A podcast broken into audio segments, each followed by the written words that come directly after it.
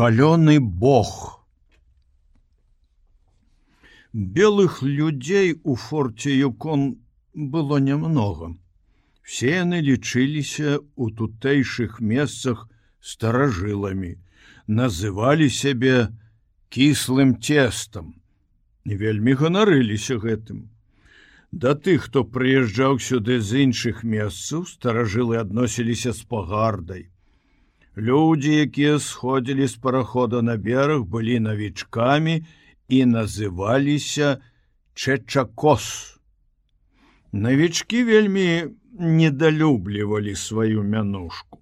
Яны расчынялі цеста на содзе, і гэта праводзіла рэзкую грань паміж імі і старажыламі, якія пеклі свой хлеб на заквасцы, таму што соды ў іх не было. Але ўсё гэта між іншым. Жыхары форта з пагардай адносіліся да прыезджых і радаваліся ўсякі раз, калі ў тых здаралася якая-небудзь непрыемнасць. Асаблівую ўцеху прыносілі ім расправы белага клыка і яго бяспутнай зграі з чужымі сабакамі. Як толькі падыходзіў параход, Старажылы форта спяшаліся на бераг, каб не празяваць пацехі. Яны загадзя радаваліся гэтай забаве не менш індзейскіх сабак і, вядома, зараз жа ацанілі тую ролю, якую адыгрываў гэтых бойках белы клык. Але сярод старажылаў быў адзін чалавек, якому гэтая забава, прыносіла асаблівую прыемнасць. Пачуўшы сірену парахода, ён з усіх ног кідаўся да берага.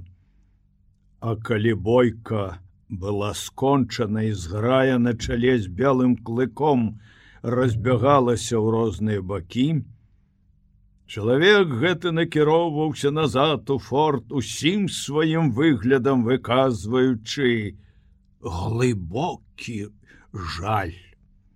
Часта, калі спеставаны паўднёвы сабака з перадсмяротным выццём валіўся на зямлю і гінуў, разрываем і на кавалачкі наляцеўшай на яго зграей, чалавек не мог стрымацца, пачынаў скакаць на месцы і крычаць ад захаплення.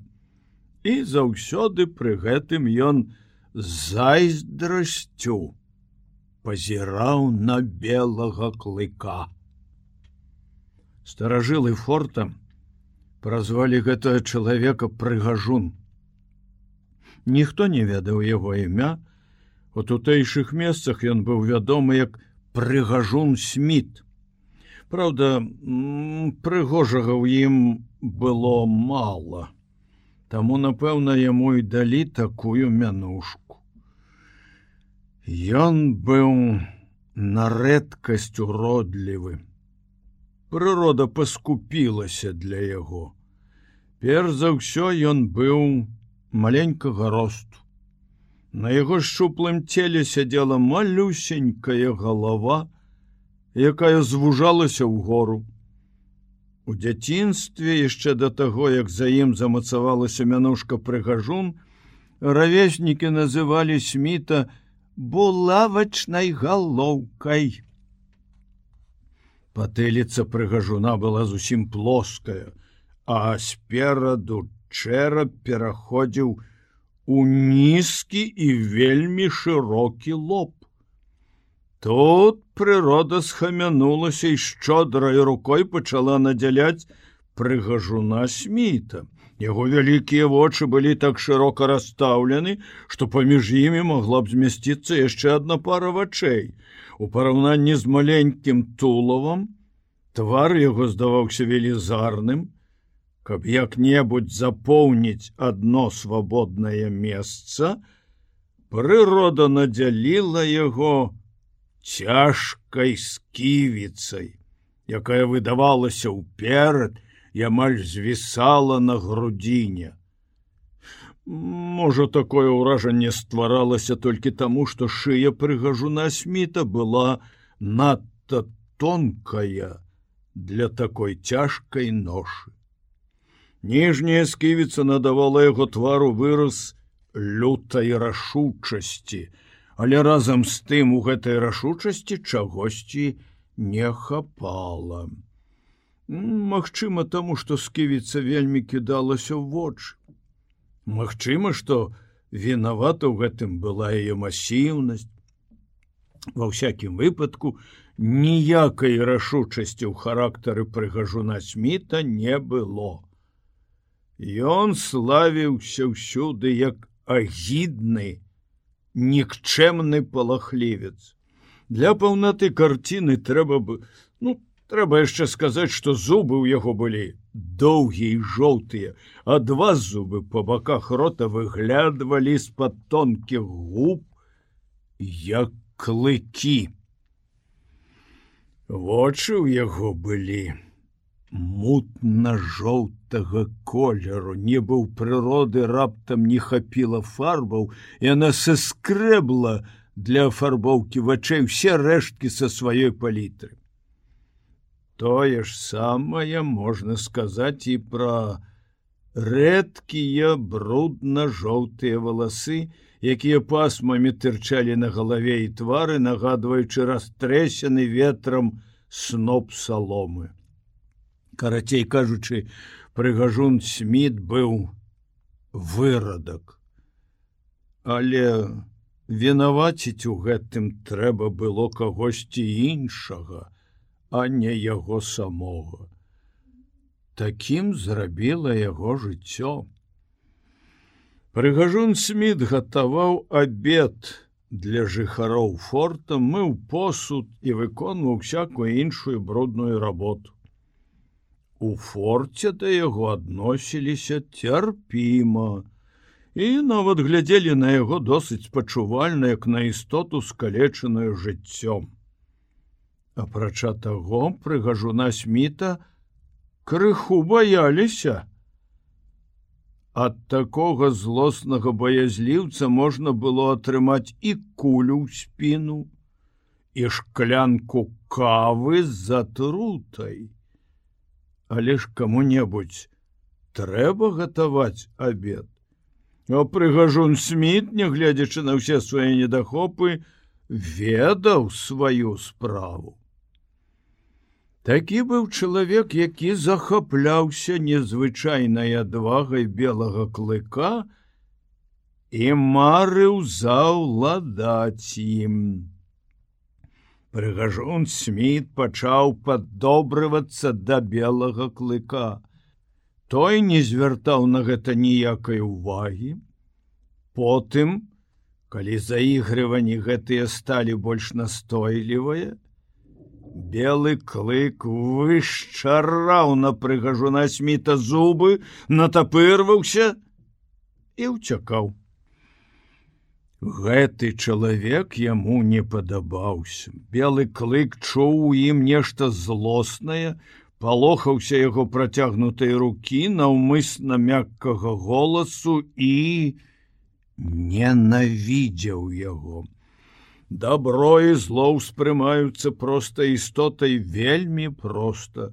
Дабро ёсць усё тое, што спыняе боль, што нясе з сабою волю і задавальненне не Таму добро прыемнае зло ненавіснае таму што яно прыносіць трывогу небяспеку пакуты несвядома нейкім невыразным невядомым яму самому шостым пачуццём белы клык угадваў што гэты чалавек тоіць у сабе зло пагражае гібеллю і што яго трэба ненавідзець. Белы клык быў дома, калі прыгажун сміт упершыню зайшоў у палатку да шэрага бабра. Задоўга да яго з'яўлення па аднаму гуку крокаў, белы клык ведаў, хто ідзе да іх і натапырыўся, Ён ляжаў вельмі добра прыладзіўшыся, але зараз жа падняўся, як толькі чалавек увайшоў палатку і паціхеньку, як сапраўдны воўк, уцёк на другі канец лагера. Белы клык не ведаў, аб чым ішла гаворка, але бачыў, што шэры бабёр размаўляў з гэтым чалавекам. У часе гутаркі прыгажун Сміт паказаў на белага клыка пальцам, і той зарыкаў, нібы рука чалавека была не на адлегласці 50 футаў ад яго, а опускалася яму на спину. Прыгажон сміт зарагатаў. Белы клык вырашыў схавацца ў лесе. Чакаючы, ён усё азіраўся назад на людзей, якія размаўлялі. Шэры бабёр не хацеў прадаваць сабаку. Ён разбагацеў, дзякуючы гандлю і ні ў чым не меў патрэбы. Апрача таго ён ведаў цану белому клыку. Лепшага ездавога сабакі і лепшага важака ў яго ніколі не было. Другога такога сабаку ні на Макензі, ні на юконе не знойдзеш. Белы клык майстар віца. Разорваць сабаку яму вельмі лёгка, все роўна, што чалавеку камара раздушыць. Вочы прыгажуна сміта заблішчэлі пры гэтых словах, і ён з прагнасцю аблізаў свае тонкія губы. Не, шэры бабёр не прадасць ні за якія грошы белага клыка. Але прыгажун сміт добра ведаў індзейцаў. Ён пачаў часта наведваць шэрага бобра, і кожны раз прыносіў за пазухай цёмную бутэльку. Віскі мае адну магутную ўласцівасць. Яно ўзбуджае прагнасць. І гэтая прагнасць з'явілася ў шэрага бабра. Яго запаленыя нутранасці апечаны страўнік патрабавалі ўсё больш і больш гэтай пякучай вадкасці і адчумеўшы ад яе. Шэры бабёр гатоў быў на што хочаце, толькі праздабыць гэты рэдкі напітак. Грошы набытыя ад продажу футры рукавіцы макасін пачалі, таяць. Іх рабілася ўсё менш і менш, і чым больш пусцеў мяшок, у якім яны захоўваліся ў шэрага бабра, тым ён рабіўся больш трывожны. Нарэшце ўсё знікла і грошы і тавары і спакой. У шэрага бабра засталася толькі адна, прагнасць страшэнная прагнасць якая росла з кожнай хвілінай. І тады прыгажун сміт зноў пачаў гутарку аб продажы белага клыка. Але на гэты раз цана вызначалася ўжо не далярамі а бутэлькамі віскі і шэры бабёр прыслухаўся да прапановы больш уважліва. Здолееш злавіць сабака твой, было яго апошняе слово. Бутэлькі перайшлі да прадаўца.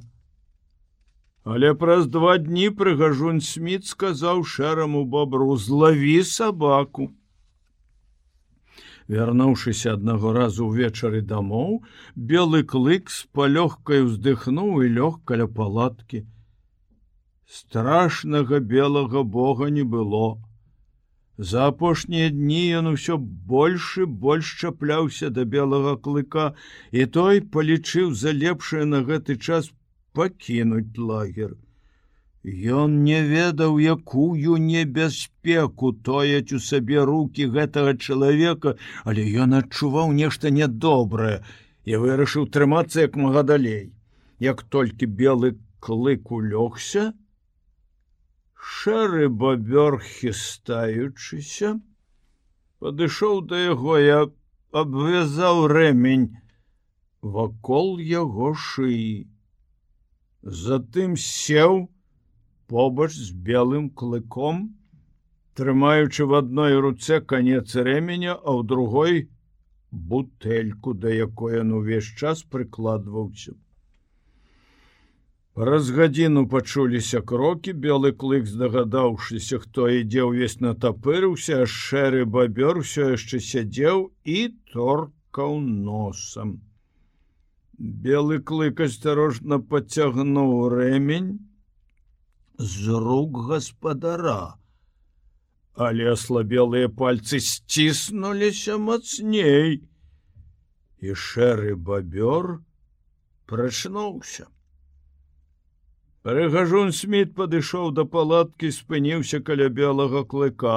Той глуха зарыкаў на гэтую страшную істоту не зводзячы вачэй з яго рук Адна рука выцягнулася ўперад і пачала опускацца над яго галавой, Белы клык зароў мацней, рука павольна опускалася, а белы клык злосна, гледзячы на яе і задыхаючыся ад раздзюшанага рыку, Всё ніжэй і ніжэй прыпадаў да зямлі.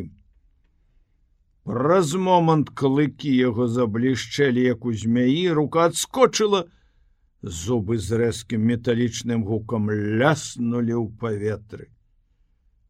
Прыгажун сміт спалохаўся, прыйшоў шаленства. Шэры бабёр ударыў белага клыка по галаве. І той пакорліва прытуліўся да яго ног. Белы клык сачыў за кожным рухам людзей.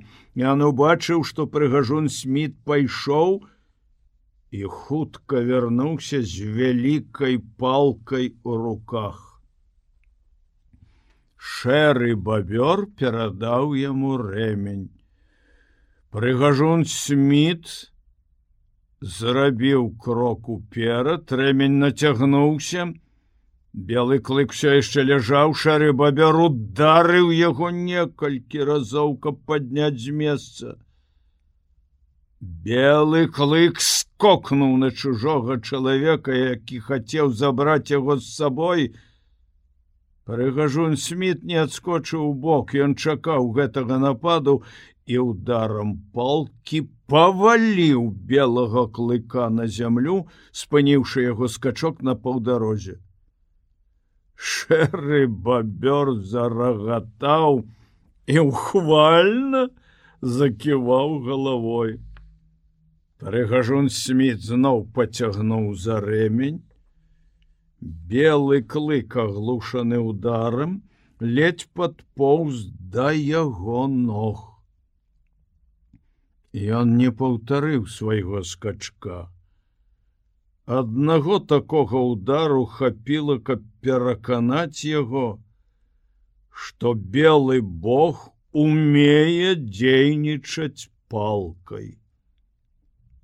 Белы клык быў надта разумны і бачыў всю дарэмнасць барацьбы.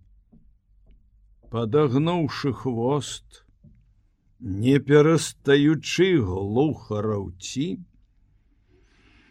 Ён поцягнуўся за прыгажуном смітам, які не зводзіў з яго вачэй і трымаў на пагатове палку.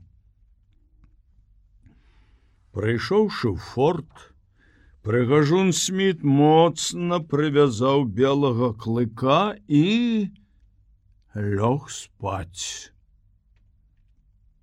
Белы клык чакаў гадзіну, Затым узяўся за рэмень і праз некалькі імгненняў апынуўся на волі.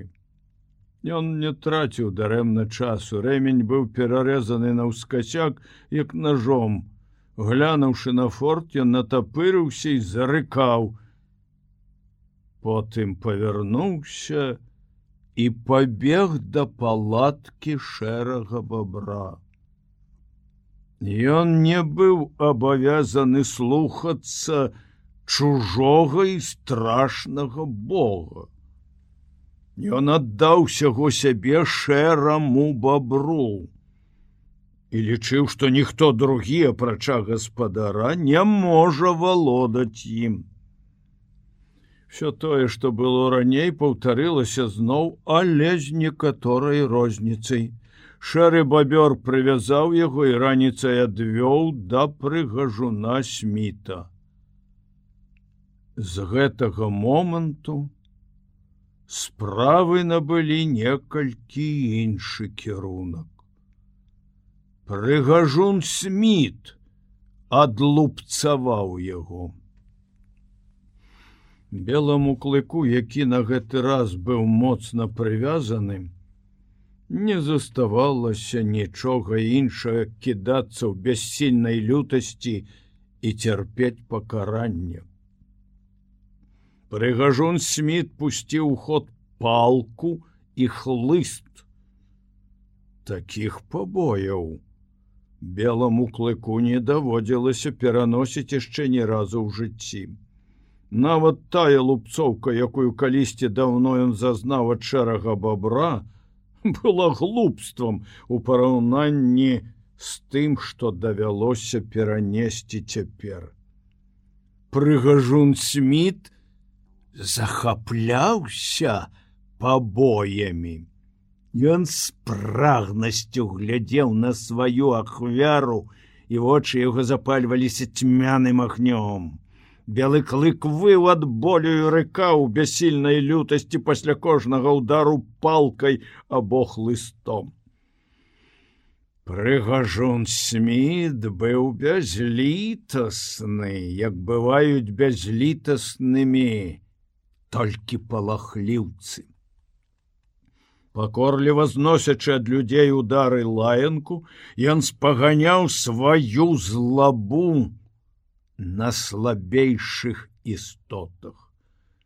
Усё жывое любіць уладу. І прыгажун сміт не быў выключэннем. Ён скарыстоўваў бездапаможнай жывёл. Але прыгажуна сміта нельга было вінаваціць у гэтым. Я наступіў жыццё са знявечаным целам і з розумам звера. З такога матэрыялу ён быў створаны, і свет грубо ўціскаў яго ў форму. Белы клык ведаў, за што яго б'юць, калі шары бабёр прывязаў яго і перадаў прывязь у руки прыгажуна сміта. Белы клык зразумеў, што яго Бог загадвае ісці з гэтым чалавекам. Калі прыгажун сміт пасадзіў яго на прывязь у форце, Ён зразумеў, што той загадвае яму застацца і што ён заслужыў пакаранне. Наму даводзілася і раней бачыць, што сабак, якія ўцяклі ад новага гаспадара, білі як яго зараз. Белы клык быў мудры, але ў ім жылі сілы, перад якімі знікала і мудрасць. Адной з гэтых сіл была вернасць. Белы клык не любіў шэрага бабра. І ўсё ж вернасць жыла ў ім насуперак волі і гневу Бога. Тут ужо нічога не зробіш. Вернасць была неад'емнай сутнасцю яго натуры. Яна з'яўлялася адметнай рысай яго пароды і адрознівала ад іншых жывёл. Вернасць прывяла ваўка і дзікага сабаку да чалавека і дазволіла ім зрабіцца таварышамі. Белага клыка адвялі назад у форт. Але на гэты раз прыгажун сміт прывязаў яго да палки. Аднак нелёгка адмаўляцца ад свайго божаства. Не так проста далося гэтай белому клыку, і он лічыў шэрага бобра сваім богам і далей, чапляўся за яго. Шэры бабёр здрадзіў і адверг белага клыка. Але гэта нічога не значыла.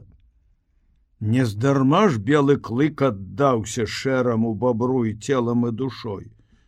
Пакараючыся божаству, ён дзейнічаў ад шчырага сэрца яго сувязь з гаспадаром было не так лёгка порваць. Ноччу, калі ўвесь форт спаў, белы клык пачаў грысці палку, да якой яго прывязалі.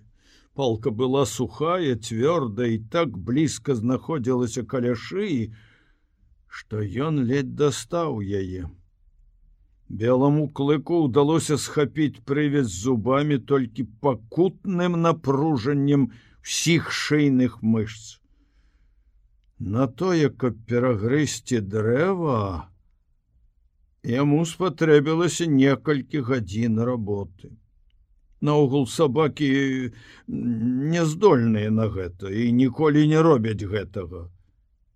Але белы клык зрабіў, і досвідкам уцёк з форта. На шыі ў яго матляўся кавалак палки. Белы клык быў мудры. І калі б ён быў толькі мудры, то не прыйшоў бы да шэрага бабра, які ўжо два разы здрадзіў яму, але вернасць паганяла назад, ён вярнуўся, каб гаспадар здрадзіў яму трэці раз. Зноў белы клык дазволіў шэраму бабру надзець рэмень на шыю, зноў за ім прыйшоў прыгажун сміт і на гэты раз белому клыку дасталася яшчэ больш чым раней. Шэры бабёра быякова глядзеў як белы чалавек арудае хлыстом. Ён не спрабаваў абараніць сабаку які ўжо больш не належаў яму. Калі гэта скончылася белы клык быў ледь жывы слабы паўднёвы сабака не перанёс бы таких пабояў. А белы клык перанёс.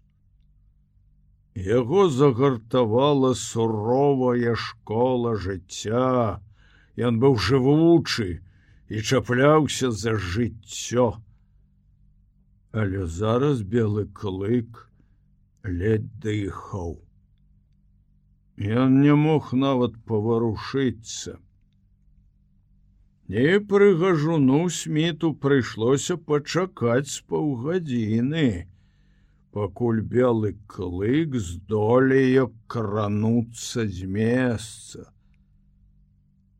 Потым ён устаў, хістаючыся нічога не бачу перад сабой і пацягнуўся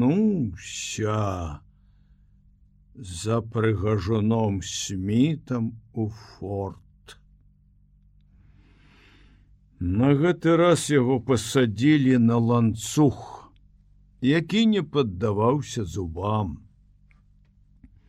Белы клык стараўся вырваць прабой, убіты ў бервяно. Але ўсе яго намаганні былі дарэмныя. Праз некалькі дзён дашчэнту разораны, шэры бабёр адправіўся ў далёкі шлях па рацэ парк'юпан на Макензі.